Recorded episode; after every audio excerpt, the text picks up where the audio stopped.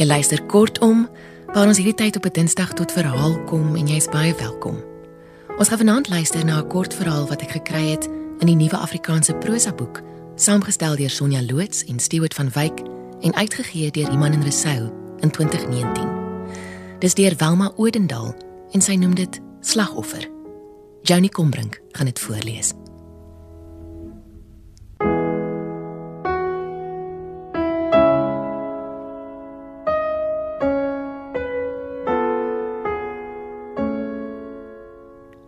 Sy lê buite onder die peperboom met die dogtertjie langs haar. Sy klem styf van die handjie wat nou reeds koud geword het. Kil in die snikwarm dag hier buite. 'n Blou kop koggelmander skuif neskierig nader en hou haar met sy spits oogies dop, doodstil. Net die flikker van sy dartelende tong wat wys dat hy nie deel is van die warm blou-swart klip waarop hy lê nie. Toe haar man van die veld terugkom, het hy haar en die kind onder die boom gevind. Hy het gesukkel om die kind se hand uit haar los te maak. Maar uiteindelik het sy laat gaan. Moeisaam opgestaan en agter haar man wat die lyfie in sy arms gedra het, teruggestap huis toe. Die kogelmander het lank reeds die hasepad gekies. Die volgende namiddag gedraag haar kind in 'n sagte sybokhaar Charlie toegedraai en neergelê in 'n kussie van kareehout wat haar man aan mekaar getimmer het. Die hitte was te vel die tyd van die jaar in die Boesmanland. En hulle kon nie wag vir 'n behoorlike begrafnis nie. Hy het met pik en graaf 'n graf in die klein familiekerkhof aan die voet van die berg uitgekap. Hy moes tot oudag werk om die gat diep genoeg te kry sodat die jakkalse die kind nie later uitgrawe nie. En daar onder die sterre en die lig van die halfmaan op die werf waar die klippe soos profete die hitte vir die volgende dag uitstraal, het Rachel haar kind begrawe. Die bus tussen Pofadder en Springbok was Rachel se enigste kontak met die buitewêreld. Gereeld een keer 'n week wanneer die bus met die pos verbykom, het hulle by haar stilgehou om 'n koppie tee te drink en die geriewe te gebruik. Dit was al buite mense wat sy soms in weke gesien het, die busdrywer en sy handlanger. Vir die res was dit net sy en die siek kind in die versengende hitte van die Boesmanland.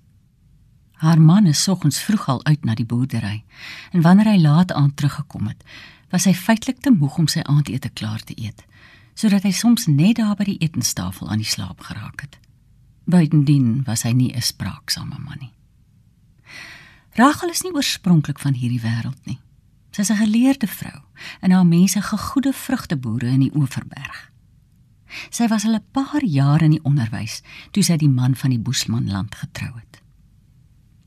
Haar familie het probeer waarsku dat die wêreld waar hy vandaan kom anders is as waaraan sy gewoond is.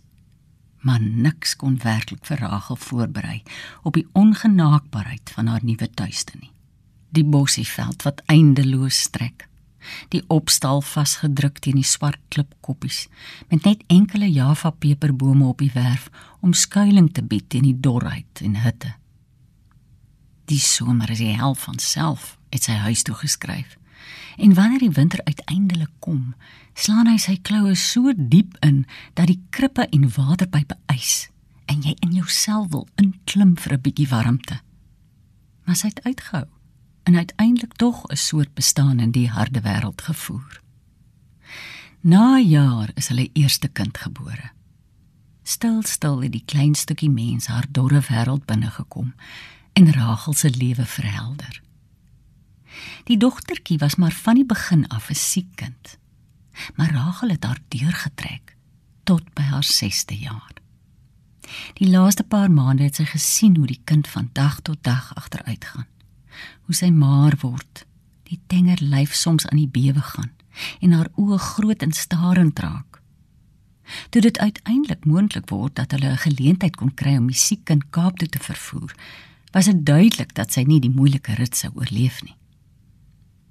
Eenmiddag, met die son wat hulle vasbak in die huis teen die swart klipkoppe, het sy 'n poging om hulle af te koel buite onder die koelte van die peperboom gaan sit.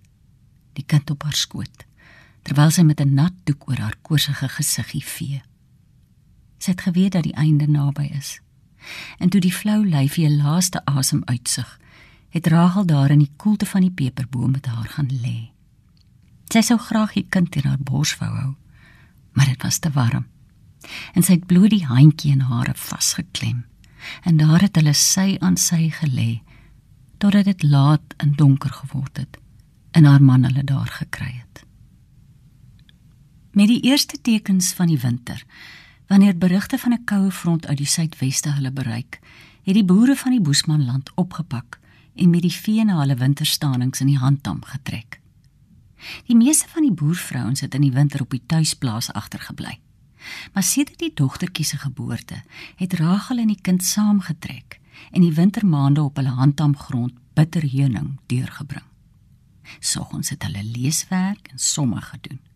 Maar die res van die tyd het hulle die les van die veld en van die voëls en die landskap rondom hulle geleer. Dit was hard om so te trek. Soos op die tuisgrond was hulle die meeste van die tyd alleen. Maar die wêreld hier was minder ongenaakbaar as die gestroopte landskap van die Boesmanland. En vir Rachel was dit ondanks die harde lewe sonder geriewe 'n uitkomkans, 'n tyd waarna sy uitgesien het. Rachel se hoenders het na die afsterwe van haar kind vir haar 'n nuwe betekenis gekry. Die rond vet rooi-bruin hennetjies het begin om die rol van die kind te vervul en dit haar geselskap op die plaas geword. Hulle gekiep en gekloek was 'n skerm teen die eensaamheid. Hulle het los rondgeloop op die werf waar sy hulle versorg en vertroetel het.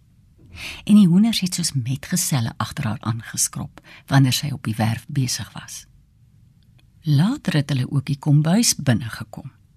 Sy het hulle op die heup rondgedra. Pootjies verbind as daar fout gekom het en die wel en wee van haar daaglikse bestaan met haar hoenders gedeel. En klokslagsmorens wanneer die ou haan reeds die eerste daglig aangekondig het en die hitte nog nie met mening toegesak het nie, het Rachel met dankbaarheid 'n aantal eiers onder die soutbossies gaan uithaal. Vlak by die agterdeur asof die hennetjies haar die minste moeite wou spaar. Na die begrafnis van haar kind, het Rachel die res van daardie versengende somer in swart rou deurgebring. En met die eerste koue front het sy haar gereed gemaak om die eerste keer die veetrek sonder haar kind aan te pak. Sy het die keer besluit om haar hoenders saam te neem. Dit sou tog beteken dat daar gereeld vars eiers by die staning sou wees, het sy verduidelik. Mettertyd het dit van selfsprekend geword dat die henne deel is van hulle voorbereiding vir die wintertrek. Saam met die kampeertoerusting, tente, penne, toue, lampe, al die gereedskap wat hulle nodig kon kry, hulle klere, droë beskuit, meel, rys, suiker, is 'n sak mieliepitte op die wa gelaai. En 'n hoopie strooi is diep agter in die hoek van die wa gelê, sodat Rachel se henne nie die rit in te veel ongemak sou meemaak nie. By die winterstaaning, net soos op die tuisverf, het die hoenders agter Rachel aangedraf, geskrop en gekloek terwyl sy in die winterveld gaan stap. Hier een roep wanneer sy afdwaal, daar 'n ander oor 'n plas water help en haar gedagtes met hulle deel. Die jaarlikse uittog na Bitrening het weer 'n soort vertroosting en aanvaarding in haar lewe gebring. Selfs nadat twee seuns kort na mekaar gebore is. Die seuns het gou in hulle pa se voetspore getrap en is ook op 'n vroeë ouderdom skool toe op Pofadder. Toe was dit weer maar net Rachel en die hoenders wat die tog in die wa aangepak het. Aan die einde van die lente, wanneer die veld by die staning begin kwyn en dit warm raak, het hulle opgepak en weer koers gekies om betyds te wees vir die snikhete somer op die plaaswerf teen die swart klipkoppe van die Boesmanland. Rachel het afgepak die henne gevoer en die siklus van haar lewe voortgesit. Benewens die posbus het daar nie dikwels besoekers gekom nie. Die afgesonderdheid van die plaas en gestrooptheid van die landskap het veroorsaak dat families selde kom kuier het. Die buurplase was ook ver. In Maart 1 jaar, nie lank voordat hulle weer die vee trek na Bitterheuning sou aanpak nie, het die posbus 'n ver langs 'n klein neefie by hulle afgelaai. Soos altyd was daar groot vreugde oor neef Kotie se koms. Al was dit nie heeltemal geleë nie, so kort voor hulle jaarlikse trek agter die winterweiding aan. Die seuns veral het vol opgewondenheid by Rachel in die kombuis ingehardloop met die nuus dat hulle Kotie by die plaashek gekry het. Kotie was 'n grapjas en vol pret en almal se gunsteling. Laaste hulle hom gesien het, was hy 'n jakkalsvanger iewers in die Groot Karoo. Hy het een keer met jakkalsvelle by hulle aangekom en wou hê sy moes vir hom 'n kombers maak. Voorheen het hy as handlanger in 'n rondreisende sirkus gewerk. Hier, tog sal sy vergeet van die dag toe hy in die voorkamer ingekom het met haar onderklere aan, dat hy van die wasgoeddraad afgegaps het.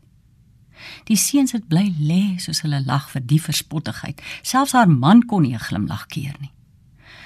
Vader, ja, Koetie was 'n plaatjie, geen twyfel nie. En almal was bly om hom te sien. Selfs sy. Koetie bly oor vanaand, het haar man by die agterdeur gesê. Daar's nie tyd vir 'n slagting nie. Jy sal maar een van jou hoenders moet slag vir aandete. Vra een van die seuns om jou te help, het hy in die omdraai gesê. Nee. Nee. Het sy teen haar man se rug vasgesê. Ek sal dit self doen. Buite die agterdeur het die hennetjies onverpoost geskrob. Die twee jonges het nog jare se lê in hulle oor.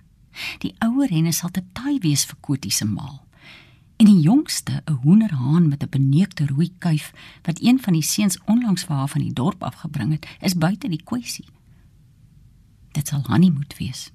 Haar middelste, vetste hennetjie met die een skeel oogie en die wit op haar pens, die beste hen onder hulle. Rachel neem die skerp byltjie en vleismes uit die spens.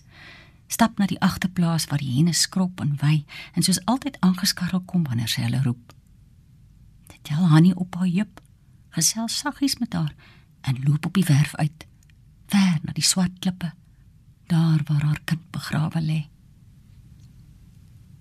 Vroegaand is dit warm in die kombuis waar die geur van naaltjies en braaihoender die leemtes vul. Die mans en seuns is in die voorkamer. Die dowwe dreuning van hulle stemme word kort kort onderbreek deur 'n harde gelag vir die kuiergasse manne behaal is. Rachel is besig om die bykosse te stowe. Toe neef Kotie by die deur kom staan. "Wat is dit wat ek ruik daar, Rachel?" Sy haal die pragtgebraaide hen, gestop met opgekapte lewertjies en wille salieblare uit die oond en bedryf haar met haar eie warm vet dat dit in die braaipan stoom en spat.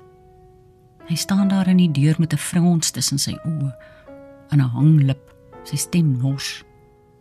Is dit hoender wat tante maak? Maar tante, jy moet mos weet ek sit nie my mond aan hoendervleis nie. In die voorkamer lag haar seuns en haar man hartlik, asof hulle nou net een van die grapjas se kostelikste staaltjies onthou.